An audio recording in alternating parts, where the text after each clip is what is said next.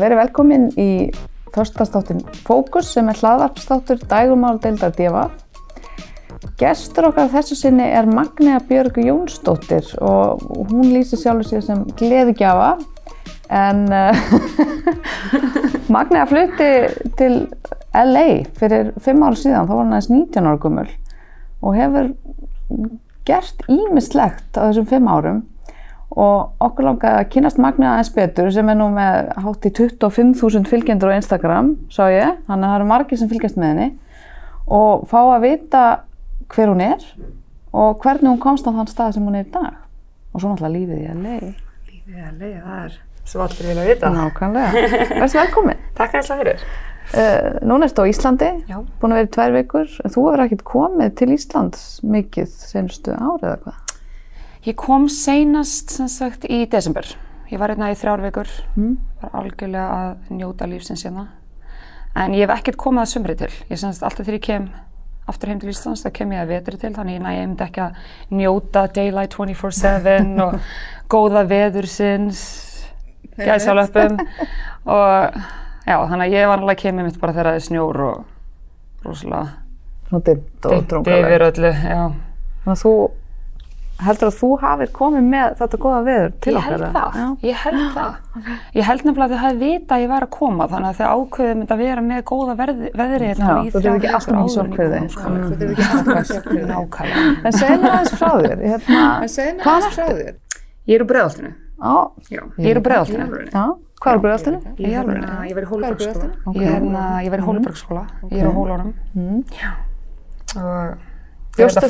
Ég Og flutt, ég var í hátökskóla í fyrsta bekk, flutti síðan upp í Breitholt og kláraði Hólabergsskóla þar.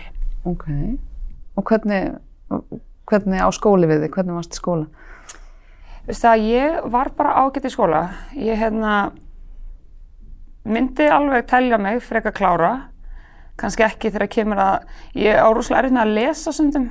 Ég gleymi mér sundum, ég er mitt alveg að lesa bók og er komin hérna alveg alla blaðsinn og svo var ég bara, fer ég að hugsa um hvað ég er að fara að borða um kvöldið og, en, en, já, ég myndi telja mig frekar góða í skóla samt.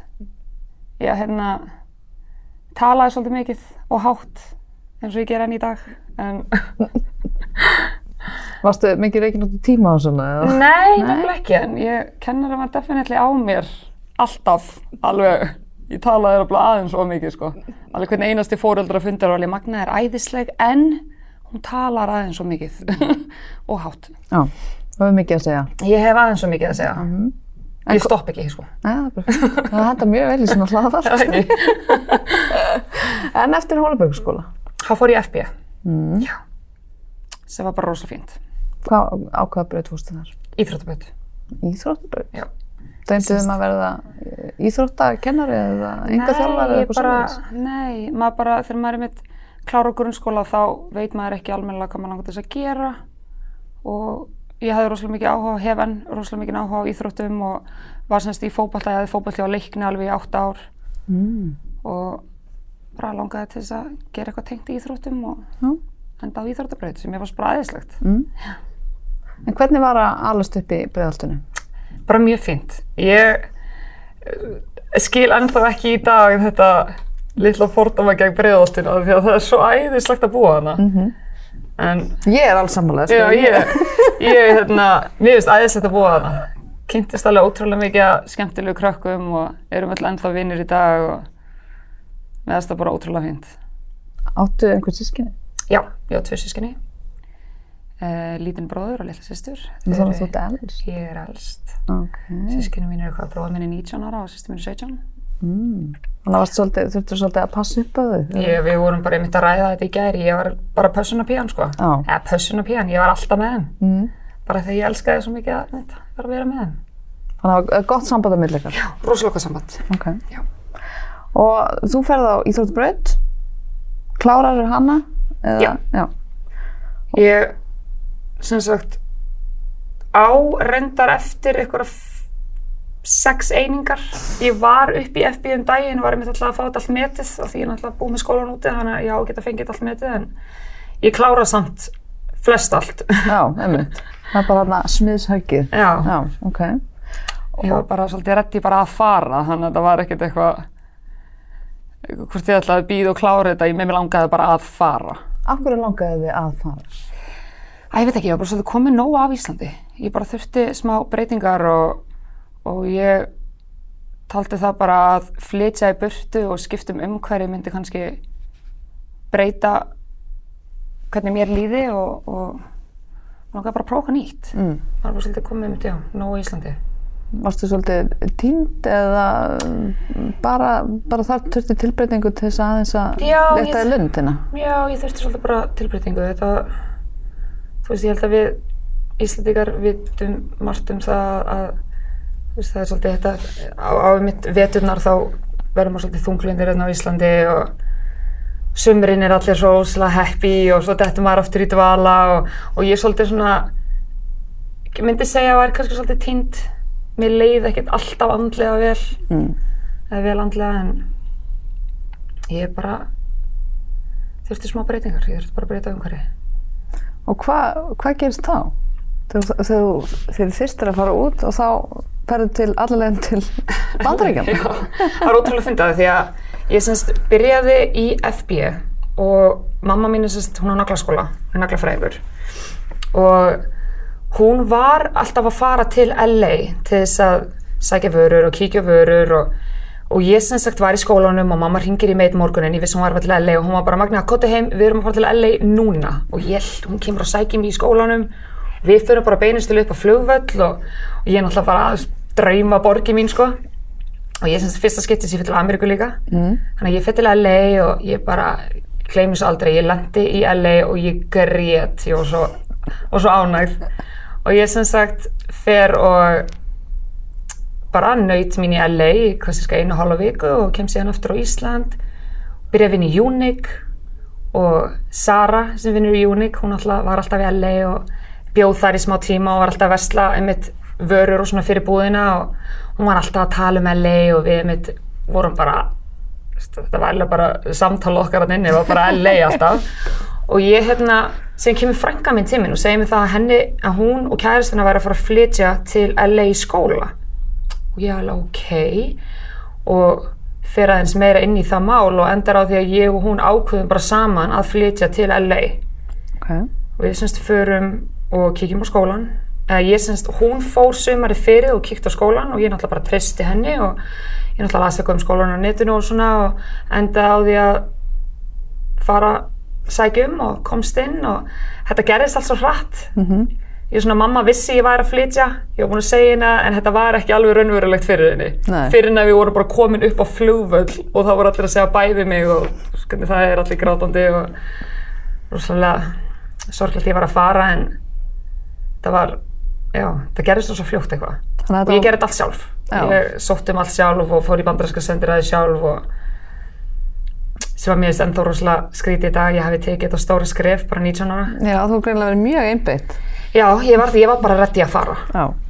en það var ekki það að ég var 100% að fara mitt í skólan, ég var bara svo ótrúlega spennt að flytja til LA Hva, hvað var það við LA áður en þú komst ákvað? Hvað var það sem að þið fannst svona heillandi? Þess ég veit það ekki það er ótrúlega að finna það því að þú kíkir inn í hérna árbókinu mín í Hólbergsskóla þá er alveg hvað langar þér að gera í framtíðinni og ég alveg, ég ætla að flytja til LA og vera rappari það var mitt plan sko sem verið ekki anbúið að gerast en ég flytti allan LA Ég meðan þú getur ennþá að það er rappari. já, já, já, working on it en hérna já, ég endaði bara einmitt að flytja út og Og þú fórst þarna í hvað, Santa Mo- Monica College. já, ég semst fór í Santa Monica College var þar í cirka þrjú ár útskrifaðist þar Hvað varst að læra þar?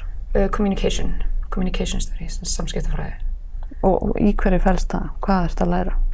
við semst vorum bara að taka þessa basic áfanga náttúrulega starffræði og íslenska og náttúrufræði og alltaf þessa basic áfanga en, en síðan þurfti ég náttúrulega að taka mitt major og það var aðalega sko media studies sem tengist rosalega mikið mitt newsletters og sjómarpi og vorum að læra á allt svoleiðis og síðan bara communication. Þannig ég tók cirka hvað, tíu communication áfanga og það telst með að, að búa með til einu rítgerðir þá stend ég mitt upp á sviði fyrir framann 30-40 manns og er að hverjum einasta tíma og er að segja mína þá sem sagt erum við ekki með blaði fyrir framann okkur, þá erum við bara að gera speech. Þetta var svona speech class. Mm. og það var svolítið bara að styrkja okkar sjálfströst og sem sagt, fá okkur upp á svið og vera ekki hrætt ég veit ekki alveg hvernig ég á að útskýra Já, þetta. já, já. en Koma fram fyrir, fyrir framann fólk og, og standa á sínu. og ég get alveg sagt ykkur það að ég var rosalega stressið í byrjun ég hef alltaf verið rosalega opinn og það hefur virkilega ekkert verið vandamál fyrir mig að fara upp á svið en, en þegar maður er með einn í útlöndum og maður þarf að tala ennsku og ég, veist, ég var ekki rosalega örug í ennskunni sískinni mín bæði voru betri ennsku heldur en ég þegar ég flytti út. Alveg, alveg mun yngri en ég.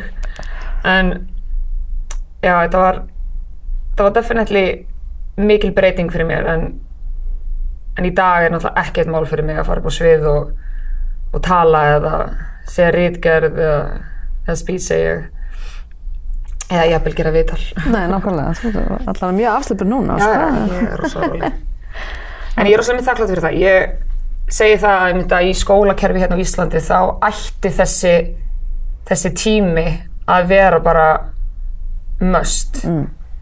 vegna þess að hvað fyrir okkur, hvað er verra heldur en að fara upp á svið og tala ég allan að þekki aðeins svo mikið fólki sem myndi bara ekki gera það Nei, einmitt.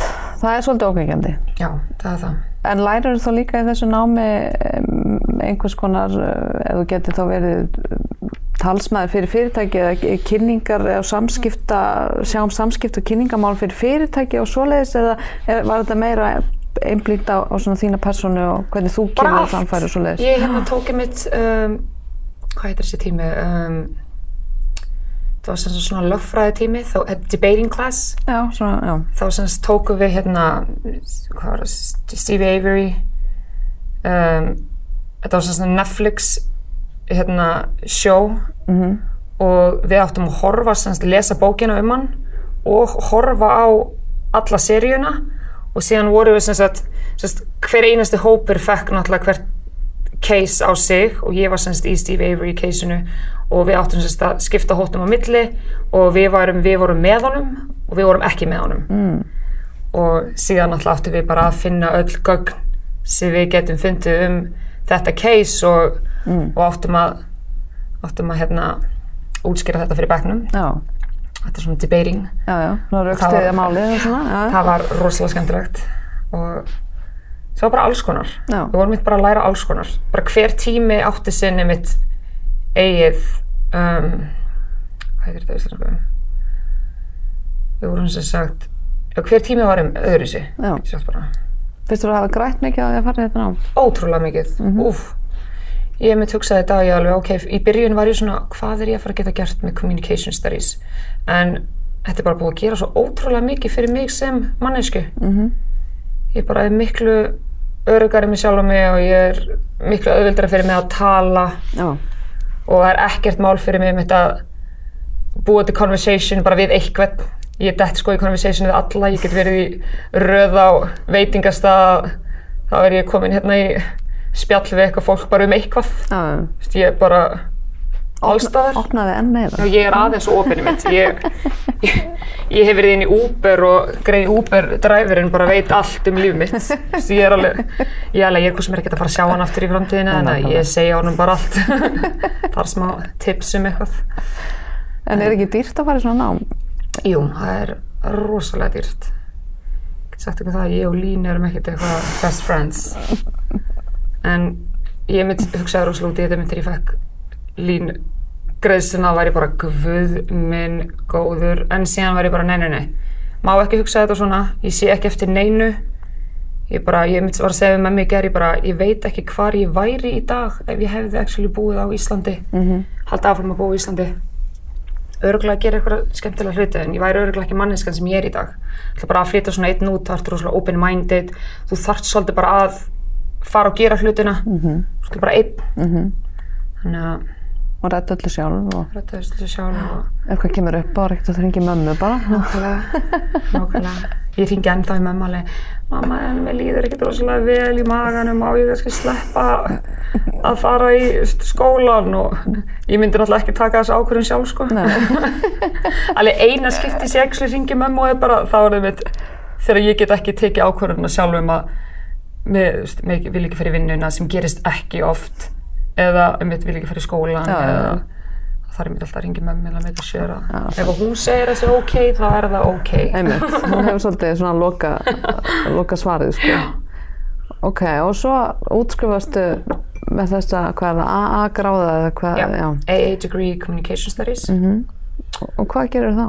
og þá sem sagt fær maður val annarkvort ferð þú bara heim aftur eða ég fyrir áframhald, áframhaldandi nám eða ég get tekið OBT sem er sem sagt vinnuvísa í ár eftir skóla Hmm.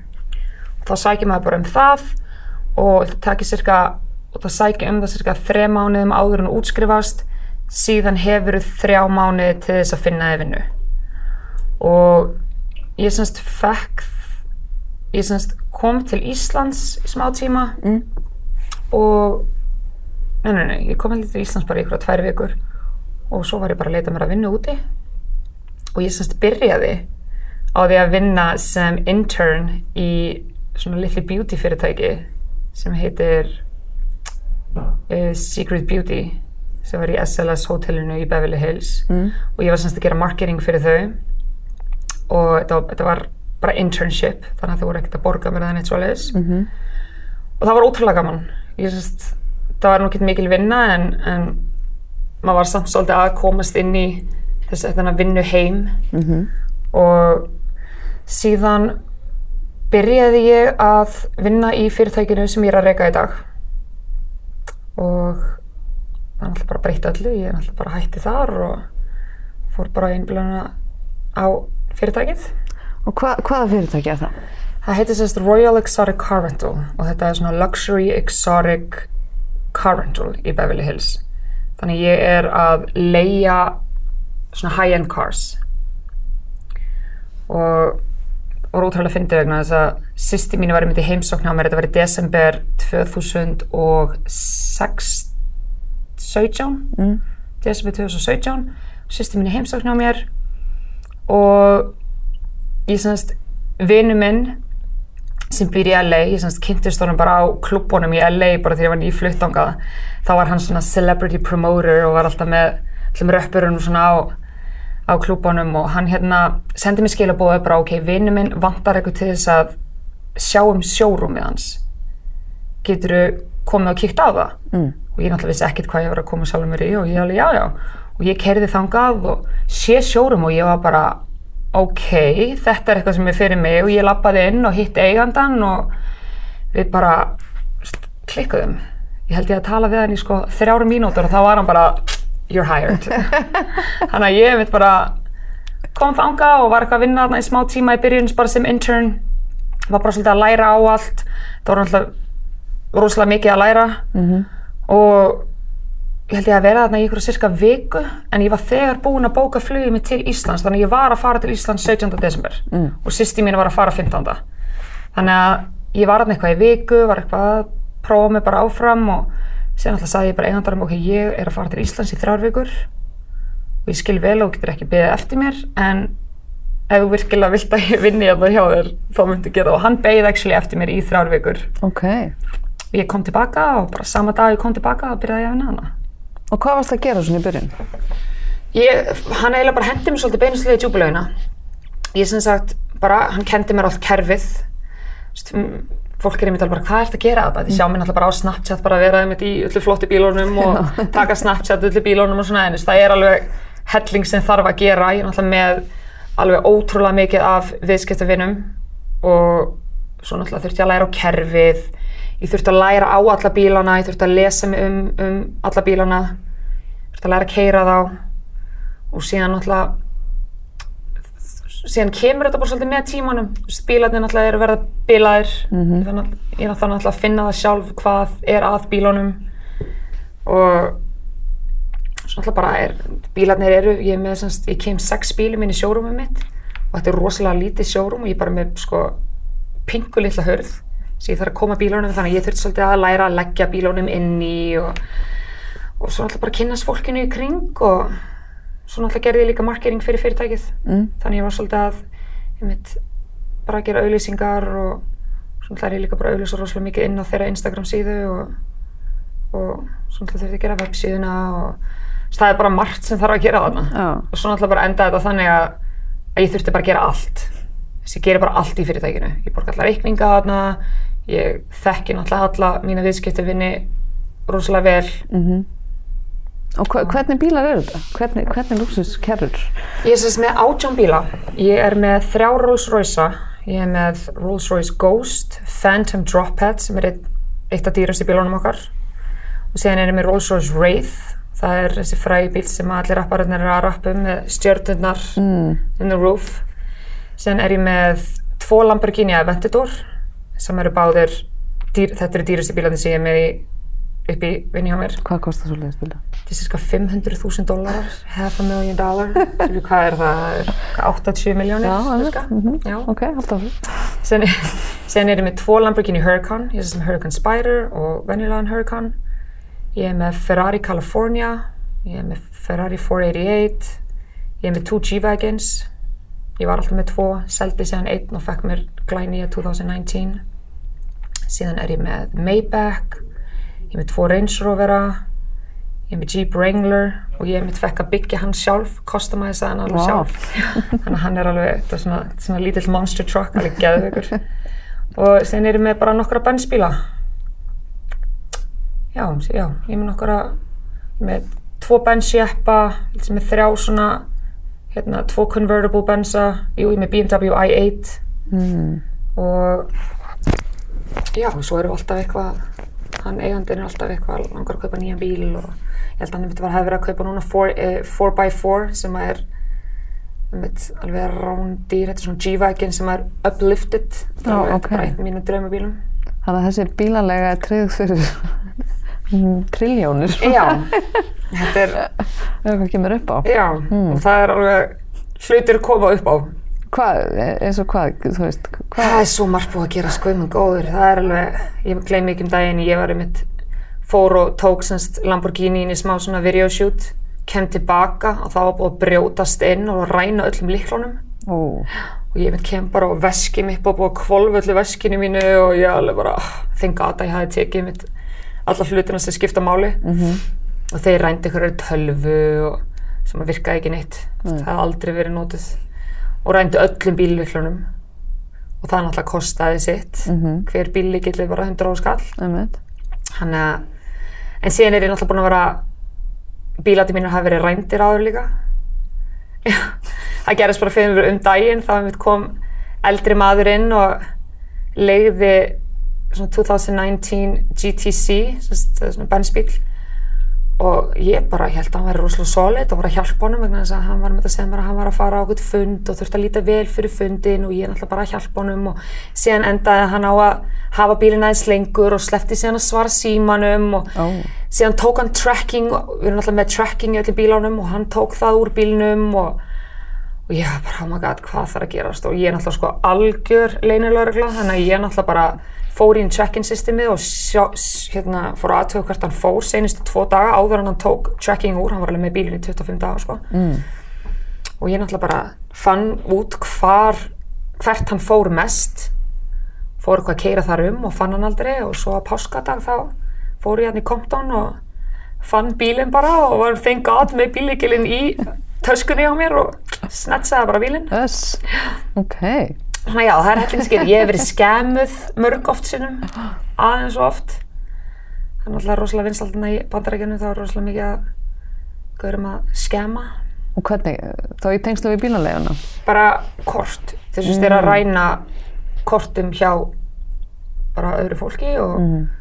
búa til sitt eigið kort með öllum hérna hvað séru, bankareikningum og öllu tengdu við þetta kort greinlega og síðan eru þau bara, þú veist Já, bara stela í rauninni auðkenni já, bara stela identity þannig að- Mhm.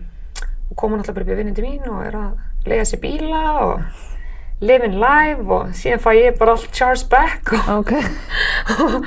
endar á því bara að við fengum ekki borga fyrir þetta. Ok. Já. En, en hvernig fólk er fyrir utan alla, alla hérna, legarlaupana og þjófana og svona, hvernig fólk er að leia svona bíla? Það, að minn stærsti hópur er African Americans. Mikið af einmitt röppurum, fólk in the weed industry, það er náttúrulega löglegt í Kaliforníu, Mhm. þannig að það er fólk allstaðar í bandaríkjunum sem að koma inn og er að gera eitthvað business þarna og eru með pening og leiða sér bíl og vilja alltaf lukka bara vel Mhm. og síðan alltaf rosalega mikið af frægu fólki alltaf rosalega mikið leikurum og Instagram models og alls konar fólk. Einmitt, svo færi rosalega mikið einmitt Sauris er að koma inn. Svo alltaf bara að sumri til það eru náttúrulega rosalega mikið einmitt bara túristum. Mm. Núna í sumar þegar þetta byrjaði þá voru mikið fólki frá Ástralíu að bóka bíla og fólki frá Englandi og Maður þarf nú að eiga ágættis pening til þess að geta leikt svona bíl. það er það, þetta eru þetta er ekkert, þetta er jókverð sko Þetta er, þetta er ekkert einhverju tíðúrskallar á viku. Ódýrasti bílinn sem ég er með mitt sko, hvað er það, 250 dólar og það er Jeep Wrangler Fyrir daginn? fyrir daginn. Já. Já. Ok. Dýrasti bíl sem ég er með er eh, 2400 dólarar sem er hvað cirka 270.000 krónur Mhm. fyrir 24 klukkutímana. Er ekkert stressandi þegar að hugsa um alla þess bíla eða? Jú, það er það. Óvart að reka hérna leiki líf. Já, ég er einmitt, ég get alveg, ég er rost, ég, þetta er bara eins og litli bönni mín sko, en ég hérna óvart klesti eitt bílinn Já, en þetta var algjört óhapp, þú veist, ég var ekki einu svona að keira bílinn. Ó. Ég semst, hann var svo ótrúlega lár að ég bakkaði á svona rosalega lága, svona, hvað kallast þetta? Svona eins og á gangstétt. Já, já, já. einmitt. Ég bakkaði semst á það og bílinn var það inn í viðgerð alveg bara í tvo mánuð og endur við þurfum alltaf bara söldum, það var korvetta. Mm. Endur við bara söldi bílinn. Það var rosalega óhapp og þetta var ekkert ég í vinnunni, ég var að fara í partí. Já, ok. Ég var að fara í eitthvað ammælisparti hérna hjá, hvað var það, Chris Brown fyrir sko. Var ógeðslega spennt alveg alltaf að taka korvettara með mig og svo bara klesti í bílinn, alveg agalegt. Þannig að mátt þú bara taka úr, úr safninu ef að þú þarft að koma vel fyrir og svona? Já, hann, eigandinn er bara svo besti vinni mín dag. Við hérna, ég veit aðeins og mikið um hann. Við erum bara bjala besti vinnir. Og hann er einmitt rosalega næs og leifir mér einmitt að taka bílana. Það er líka bara gott fyrir fyrirtæki líka því ég náttúrulega bara er að auðvisa bílana og ég á minn einn business card, ég er með svona rosalega sætt Blake business cards Mm. sem ég gef af í partíum og svona. Ok. Þannig að ég bara eina sem ég mitt þegar maður býr svona í svona stórborg sem að entertainment industry er huge, það er maður náttúrulega bara alltaf í business mind Mm. og ég er algjört social butterfly, ég er alltaf, þú veist, mér er bara aðeins að fara einu stundum í partí bara til þess að socialisa og kynnast fólki og svona, Mhm. það er maður mynd alltaf að, rölt um og tala við eitthvað fólk og maður svona targetar einmitt fólki hvað fólk heldur að myndi, myndi leia bíla Mm. þannig að það, er náttúrulega bara búin að fá einmitt rosalega mikið að viðskiptavinum bara inn í fyrirtæki svo leiðis. Já. Bara Instagram líka gerir rosalega mikið, maður kynnist mikið af röppurum koma til mín og leia bílana og síðan alltaf eru þeir svo þakkláttir að þeir taka mann og gefa manni shoutouts og þá einmitt fær maður fólk til þess að koma og leia bílana. En færðu vel borgað fyrir að standa í þessu? Nei, Nei. ég fæ það ekki. Fólk myndi halda að ég væri bara að myndi að fá ótrúlega vel borgað, nei, ég fæ það ekki, ég er rosalega honest með það. Ég ætti að vara að fá miklu meira með hvað ég er að gera þarna. Já. En síðan er þetta líka bara, ég lít líka á þetta bara sem opportunity. Setni framtíðin að get ég mitt bara sagt mínum barnabörnum að ég hef verið að keira þennan bíl þegar ég var yngri. Mhm. En síðan er þetta líka bara svolítið mikið kennsla fyrir mig að því ég er að læra mitt að reyka mitt eigi fyrirtæki. Mér langar til þess að eiga fyrirtæki sjálf. Mhm. Núna og í framtíðinni. Þannig að þetta er bara svolítið kennsla fyrir mig líka. Mhm. Það er snýst ekkert allt um peninga. Stundum er það líka bara að upplifa hlutina og njóta sín. Mhm. En er ekkert erfitt fyrir það að koma í frí eins og núna til Íslands og, og frá rekstrinum sko? Jú, ég hérna ég bara er búin að vera hann eitt og halvt ára núna og það er engin annar sem er aðna þetta er bara ég Mm. með allt svo er eigandinn sem kemur að inn en hann er náttúrulega alltaf í einhverjum stelpu málum sko. Þannig að þetta er svolítið bara ég. Þannig að ég bara ákveði, ég fekk ekkert frí allt seinasta ár. Mm. þá tók ég ekkert frí ég var einhvern einasta dag og tók mér sérst tveggja vikna frí til þess að koma til Íslands í desember. Og síðan bara um leið og ég lendi þá byrjaði ég aftur núna 2019 og er ekkert búin að taka frí ég reynda að tók hana fimm daga frí til þess að vera til Miami að hitta vinkonu mína sem er frá Íslandi, hún býrði mig þar Mm. og síðan var ég bara komin nóg að þessu og ég þetta var rosalega stórt skrifið fyrir mig að fara frá öllu en ég var bara komin nóg að íbúðinu minni ég var komin nóg að fólkinu veist, mér langaði ekkert að fara lengur út að hitta neitt mm. ég er náttúrulega elska að hitta fólk og þetta var bara komið út í það að mér langaði bara ekkert að fara út að hitta neitt, þú veist, ég kem heim úr vinnunni keiri í klukkutíma traffík heim sem tekur bæði vegi ekki svona langan tíma þú veist, ég býð svona 15 mínútur frá en það er bara svo mikið traffík í LA keiri klukkutíma frá mæti heim og mér fannst allt svo, drungalegt eitthvað. En mann líður ekki vel þá þarf bara að breyta til. Mhm. og og ég er svolítið ekki mikið að að breyta til ég fer á veitingastæði og ég borða nákvæmlega sama alltaf. Ég er alltaf elda það sama eiginlega. Og ég er bara um, um, rosalega, ég er rosalega vanaföst Mm. hann ég var bara ok. Ég tók þetta skref að flytja hinga til LA þegar ég var 19 ára sem var ótrúlega mikil breyting sem bara stærsta skref sem ég hef ekkert um að tekið. Og af hverju ekki að koma heim bara í þrjá mánuði og sjá hvernig mér líður hér og ef að mér líður ekki vel þá fer ég bara aftur tilbaka. En ef mér líður vel þá kannski tek ég bara frí í skólanum í halvt ár eða jafnvel bara flyt heim aftur mm. ég sé það eftir halvt ár hvort mér langar að fara aftur en ég mitt þetta var rosalega þetta var rosalega fljótt ákveð ég var bara að tala svolítið við einmitt eigandan mm. -hmm. tala við um, ég með semst, stelpi sem býr með mér er frá Fraklandi og hérna, og ég var svolítið búin að tala við bæði og svona, mér langar rosalega að fara til Íslands þau vissu að ég væri svolítið komið ógeð af LA þau vissu að mér langaði ekki það mikið vera að fara út og ég er bara að fara á jammi og svona, alltaf ógslæg gaman að fara á jammi, ég er ekkert að fara á jammi bara til þess að, þú veist, skemmta mér. Ég er vanalega bara að fara á jammi til þess að networka og hitta nýtt fólk og mér langaði bara ekkert að gera það lengur. Mm. þannig ég bara sagði við hana, ég bara ok ég er að pæli að fara aftur til Íslands. Ég læti vita með svona þryggja vegna fyrirvara og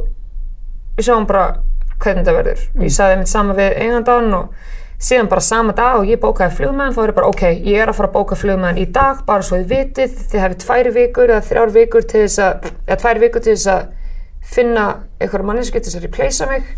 Og ég náttúrulega bara meikaði sjör líka að ég var ekkert að setja þau inn einn slæm mál og mm hjálpaði bara til að finna eitthvað til þess að replacea mig. Það, thank god, tókst bara mjög vel.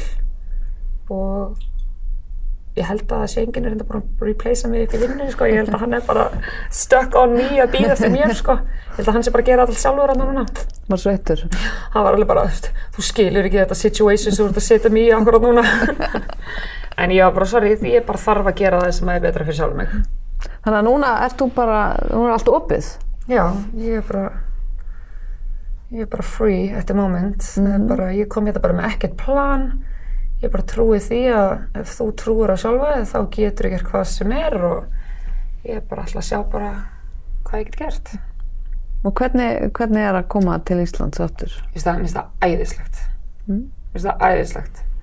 Ég, um eitt, áður en ég flytt út, þá var alltaf að vera að spila með hvernig er Ísland, ég var bara, það er ógeðslega leðilegt og það er allt svo drungalegt og það er allir að dæma alla og það má ekkert gera, maður má aldrei vera með sjálfur og ég var bara, ég hafði ekki, ég hafði ekki góð orð á Íslandi, en síðan svona með tímanum þá byrjaði maður svolítið að appreciate það sem maður er á Þannig að maður veit ekkert svolítið mikið, það nú meikar ekki alveg sens við þessa setningar, maður veit samt ekki hvað maður er á fyrir maður hefur mistað, ekki eins og ég hafi mist Ísland, Nei, en nei, samt. þú sást að fjallaðist það. Já, þannig að ég bara, einmitt, með tímanum þá var ég alveg bara, ah, Ísland er geðvikt, þannig að þú gast ekkert farið í eitthvað, einmitt, fólk var alltaf að spyrja alveg hvernig, veist, hvernig er Ísland? Og ég er náttúrulega bara, geðvikt. það er bara ekkert betra á Íslandi, veist, ég fó bara ef eitthvað ætlar að segja mér að vera betra nammið þeirra landi þá væri bara nei, það er besta nammið á Íslandi, ég var bara, ég er dattinn í já,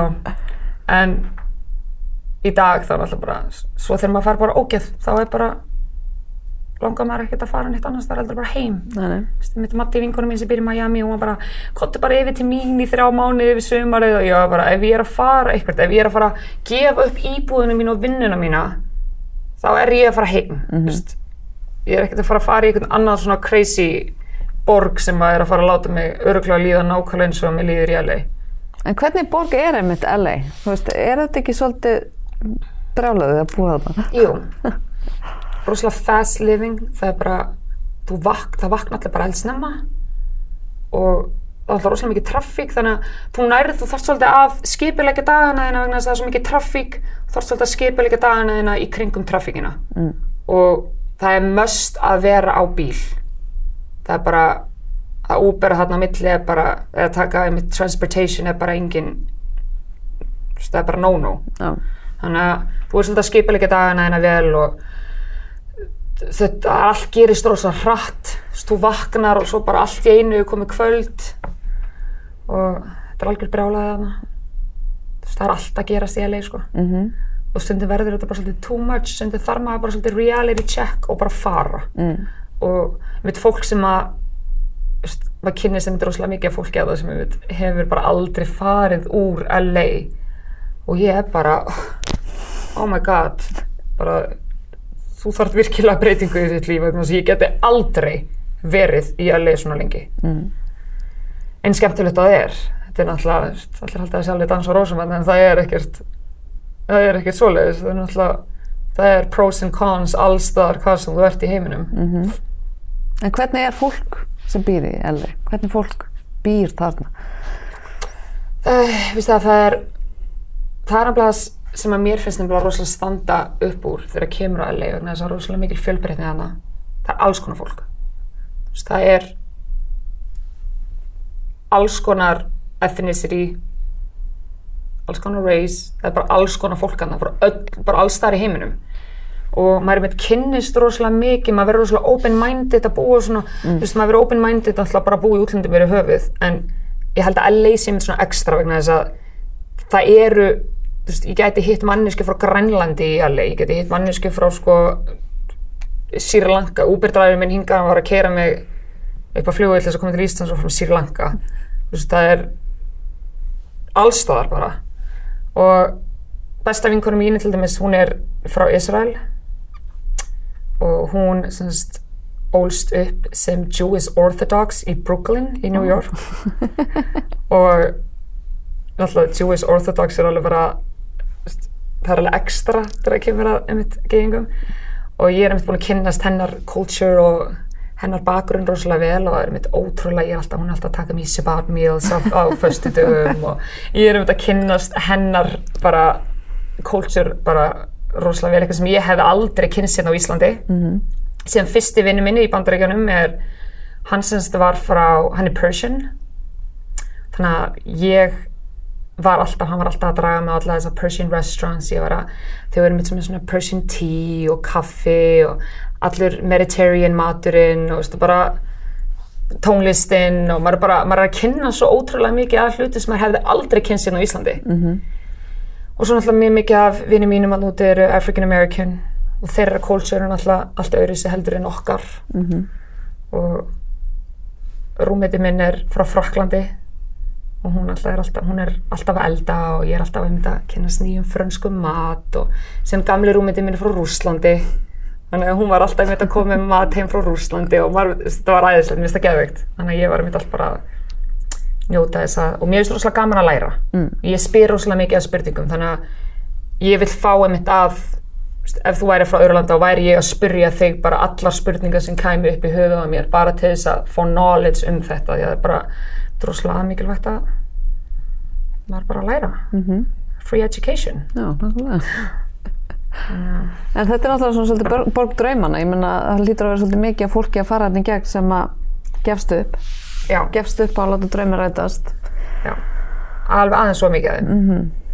það náttúrulega er eins easy og fólk heldur að þetta sé náttúrulega bara rosalega easy, veist, þú mætti Hollywood og þú getur verið frægur en þetta er miklu erfiðara heldur en það náttúrulega. Mm. Það eru allir aðna úti til þess að verða frægir. Allir sem komið til LA eru reyna að vera frægir, eða flestir. En verður þetta þá ekki svolítið svona yfirborskent andrumsloft? Er fólk ekki þá að reyna einhvern veginn að skera sig úr á einhvern hátt? Og, Jú. Já. Það er það. Ég, hérna, mér finnst þetta ótrúlega gaman, ég ætla að segja hvað mér finnst tveir hlutir sem mér finnst rosalega öðruvissi við LA og mér finnst við Ísland og mér finnst þetta rosalega vanta hérna á Íslandi. En það eru allir rosalega mikið supporting each other í LA. Það er, ef ég væri að opna mína clothing line þá væru allir að koma til þess að supporta mig. Mm.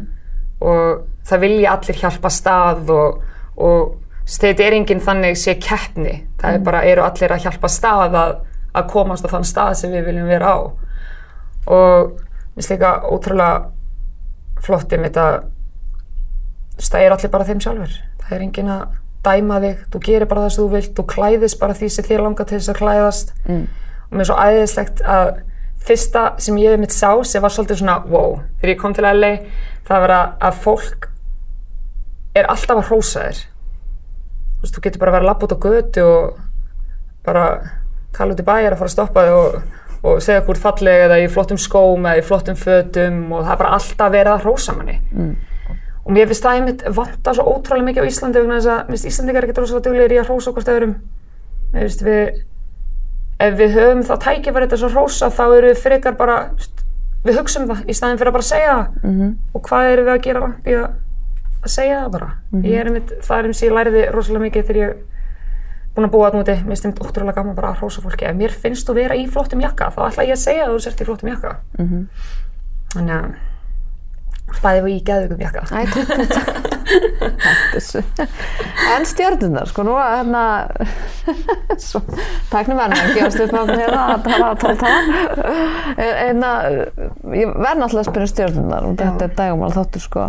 Þú, þú, þú hefur nú heimsóttar nokkra og farið í partí og hefur, hvað fólk hefur hitt?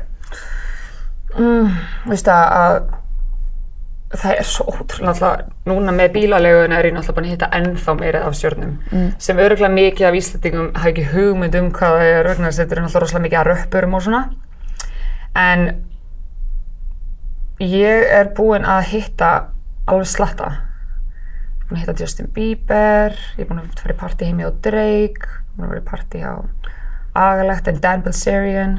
Það var held ég alveg eitt af fyrstu partíjónum sem ég fór í og það kom einhver lítil grein um það hérna á neti og ég, það kom alveg, alveg svaka dæmi um það sko sem var alveg agalagt en já, ég fór mitt í parti heim í honum en síðan núna heldur hann alltaf svona stóri mitt Valentine's party og 4th of July party hann alltaf með risastótt húsatn og býður bara ótrúlega mikið mitt af social media fólki og mikið af fræða fólki og svona þannig að það var rosalega gaman að fara í parti þar mm -hmm. og Ég er búin að fara í partí á hvað Leonardo DiCaprio sem ég ætla að henda ykkur inn sem ykkur annar íslendikar gæti vita hver er. Um, ég er hérna Migos að rappararnir, mm -hmm. eiginlega bara allir rapparar. Ég er búin að fara í partí eiginlega hjá öllum rappurum og eiginlega búin að hitta alla rappara. Hefur einhvern tíðan árið starstrukt?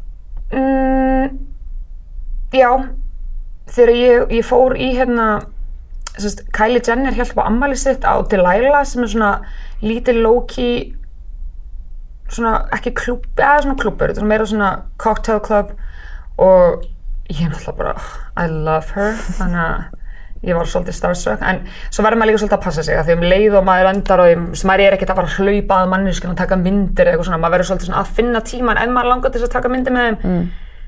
þá verður maður svolítið að finna réttan tíman og ég er ekkert, ég tek aldrei myndir með þeim mitt fræða fólkinu, þetta er meira bara svona Nei, ég gera það aldrei. Þetta var bara vennilegt. Já, just, maður, ég meika eða ekki alveg, ég meika ekki að fara að hlaupa eftir þeim og fóta mynd með þeim, en svo er maður líka bara, Jónalds er búin að hitta að fara í nokkur, Chris Brown er alltaf með partí. Náttúrulega. Hann er alltaf með partí. Klassísku Chris Brown. En síðan er þetta bara svo ótrúlega að finna það, því að LA er svo stórt, en það er svo lítið. Já. Þannig að það gæti alveg bara Íslandíka farið í heimsóknarna og verið á klúbónum og einhver bara hei, viltu koma í partí heimi á Brown? Þetta er ekkert eitthvað, þetta er bara venjulegt þarna. Eins mikið og fyrir okkur hérna á Íslandi er þetta örugglega alveg þú veist, geðveikt. En þetta er svo venjulegt þarna vegna þess að það er alltaf eitthvað að gerast. Veist, þetta er ekkit bara helga jam, veist, það er jam frá mánudegi til sunnudag sko. En hvernig er þá að halda sig á beinubrautinni, ekki detta of mikið í vímöfni og áfengi, sko. Maður heyrir af ansi mörgum sem að Já. fara ansi, aðeins og geist í það, einmitt í LA, út af það er alltaf eitthvað að gerast og alltaf eitthvað í bóði. Já, það er bara sjálfsvilji.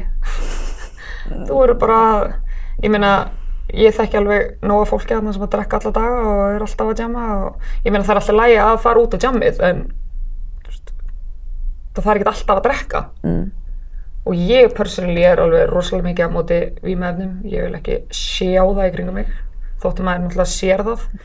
En eins og, ekki að ég vil eitthvað promóta það, en gras er náttúrulega löglegt í Kaliforníu. Mhm. Þannig að sama hvert þú ferð, það er allir að reykja gras. Þú veist, þú ert inn á klubnum og á næsta borði eða á þínu borði þá eru allir að reykja gras. Þú ferð í ammæli, það er verið að gras. Þú ert á götu, það er verið að ert að keira fólk er að veist, Það er bara allstaðar. Þannig að það er, það er alltaf bara langað þér til þess að gras eða ekki. Þú blabba bara inn í næstu búð og kaupir gras. Og það er svolítið rosalega mikið verið að promóta sem að mér finnst rosalega sad. Þú veist, þú ert bara að keira on the freeway og það er risastórt poster um þetta. Mm. Sem er náttúrulega bara, að mínum að þetta er ekkert fyrir alla að sjá. Mm. Þannig að, og með drikja er seld, telt ég 24 klukkutímana.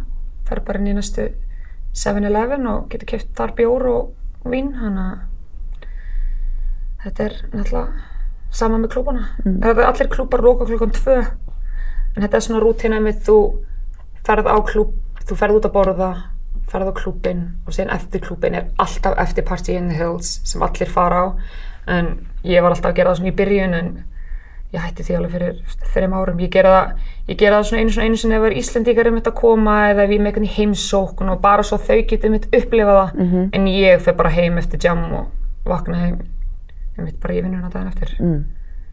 En, en hvað með einhver svona útlýstengda pressu? Þú Veist, ég hef aldrei komið til LA og maður er með svona ákveðina svona ímynd af því hvernig er að vera þar. Þú veist, er verið að, að dæma fólk út frá því hvort hvernig það hefur til, í hvernig ert. Ég veit þú sagðir aðan að það, það er allt leifilegt en, en finnst þér eins og ef að þú ert að koma framfæri í þínum bransa þá Já. þarfst að líta út á ákveðin hátt og hegða þær á ákveðin hátt til þess að komast eitthvað sko lengra. Já, um, já, eins og ég sagði, það er engin eiginlega ekkert limit þarna í LA. Fólk bara klæðist eins og það vil klæða sig. Ég bara, ég klæði mig bara eins og ég vil klæða mig og sama upp í vinnu, ég bara fer í það sem ég vil klæða í og þetta er svolítið bara, þú velur bara þau, það átfitt það sem þér finnst hendar hvern ívent og hvern stað sem þú fer á. Mm. En þegar kemur að útliti og fleira, Já, ég veit að hérna, vinkor mín, hún hérna Marta, gerði þessa fallegu grein um mig fyrir, veit ekki hvenar, og var með þetta headline hérna, ef þú ert sæt þá ferðu allt frýtt, minnst það hræðilegt by the way, en hún sem sagt, nei, það er ósla sorglegt. En í LA, ég til dæmis á rosalega mikið African American vinum og ég held að við öll vitum það að það er rosalega mikill rasisti gagvar þeim allstæðar í heiminum sem er rosalega sorglegt. Og það sem sagt ég hef tekið mínar vinkonur á klúbin og promóterarnir eða gaurarnir í dyrunum hafa kvíslað með bara af hverju þarf þetta að koma með svarta stelpur með þér? eða af hverju er þessi, af hverju er þetta komið feitar stelpur, ég hef alveg fengið það oft. Þú veist, ég hef verið með vinkonu mín sem er ekkert feit, hún er bara þú veist, bara, auðvitað það er, skiptur veist, aðeins stærri heldur en ég og þá er hún talið sem feit í LA mm. og þá er mitt er kvíslað mér alveg af hverju þarf að taka feita vinkonuðina með? Veist, ég, mjög ég veit ekki hversu mörgum rifrildum ég hef farið í. Og ég læt sko heyri í mér. Ég, held, ég held ekkert kjaftur um lokuðum sko. Mm. ég hef mitt gerist fyrir mig hvað fyrir hvað fjórum mánuðum síðan þegar ég, eða þreim mánuðum síðan tók ég vinkonu mín hérna á klúb og hún að, bara aðeins stærri en ég bara minni og aðeins stærri en ég og og og gaur, og veist, promóterinn þú kemur þarft að fara með promóter vanlega inn á klúpa svo þau eru ekki að borga mm. promóter, að þeirra job er að Svona veiða þinn eða... já, þeir eru semst með borð flest, ég þekki á flesta í dag en þeir eru mitt targetum minnst bara sæta stelpur og þetta er svona lúk fyrir klúpin mm. þá semst, ertu með eigi, þeir eru með sitt eigi borð og þeir eru ákveðna stelpur þar og fær bara fritt að drekka og veist, í stæðan fyrir að vera að kaupa á barnum það er bara flöskuborð og fær fritt að drekka og og dansa og gera það svo vilt.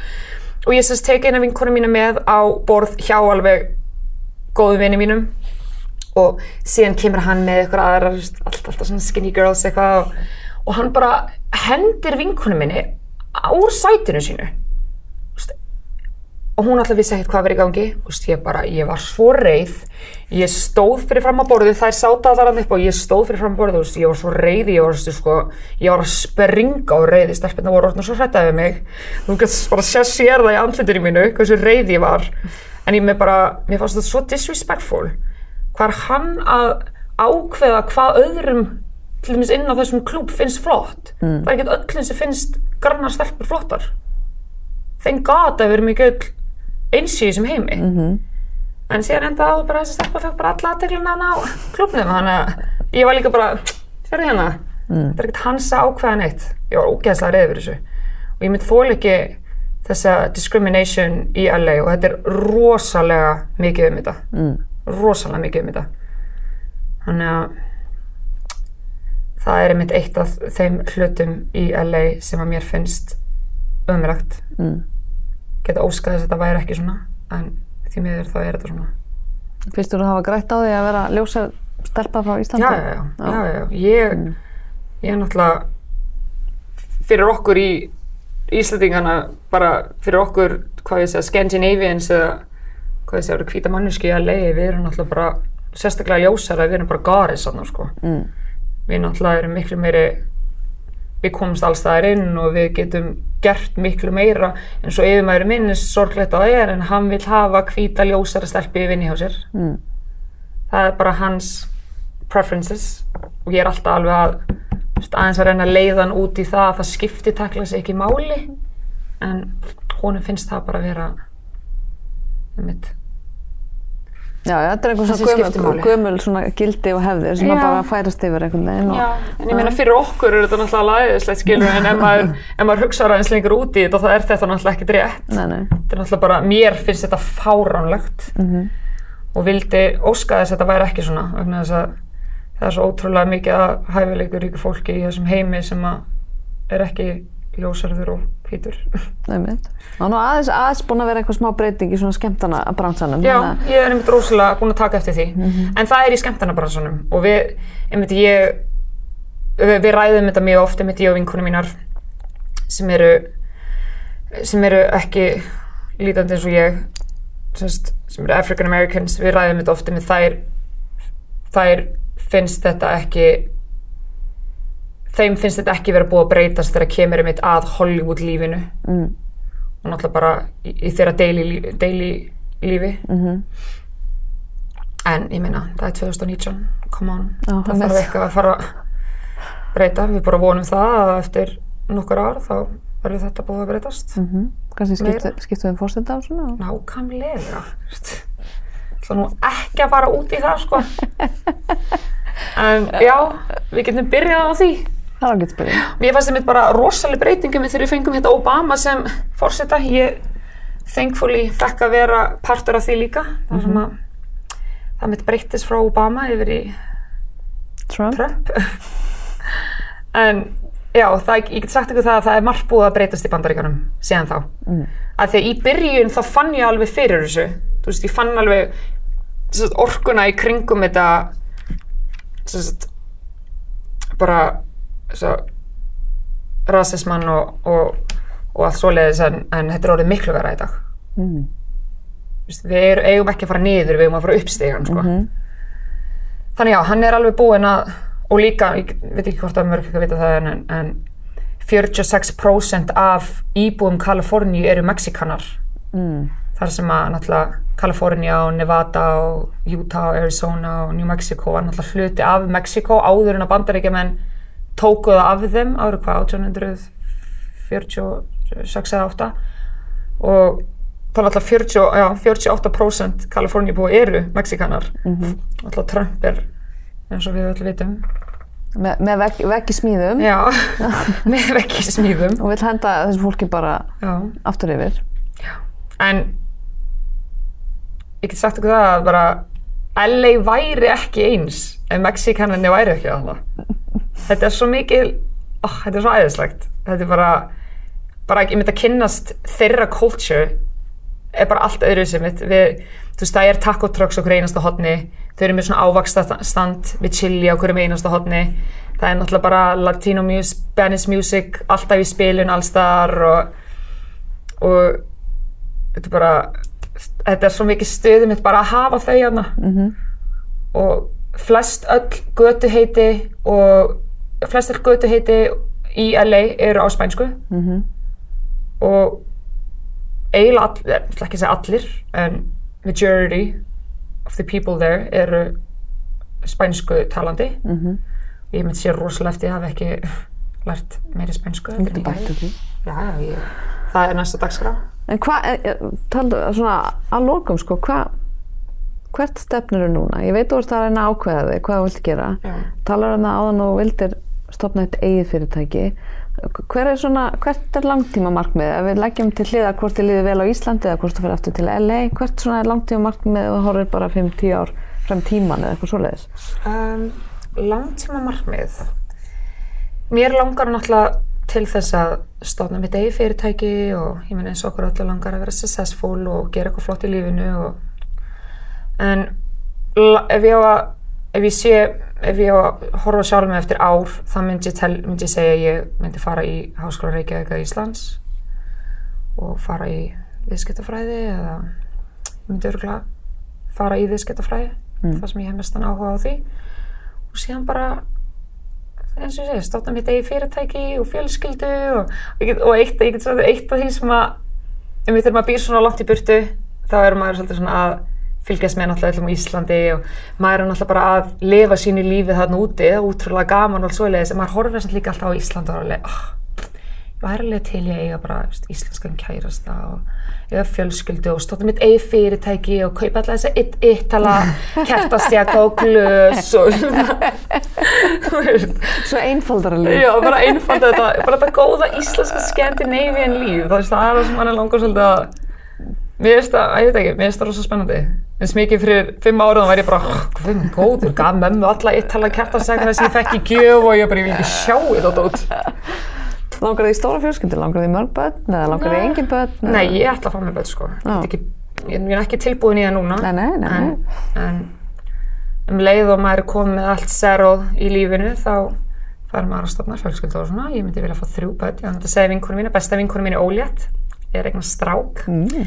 og ég var einmitt, ég held að vera strákur að það voru alltaf aðeir búin að giska stelpa en ég langar náttúrulega í strák, stelpu, strák eða strák, strák, stelpu, það er planið Ok. það er alveg ákveðið hérna þannig að vonandi mun það vera svo Já, frábært. Já. Þetta verður gaman að spina, fylgjast með þér, hérna, alveg sama í hvaða bransa þú lendir. já, takk fyrir það Og hvort þú verður aftur út eða verður hérna heima.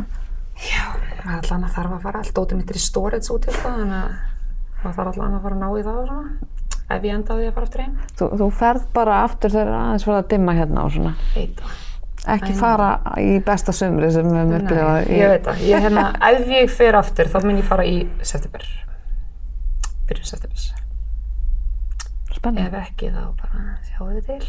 Nákvæmlega, og kannski kemur við bara aftur til mér hérna eftir, eftir ár. Nákvæmlega.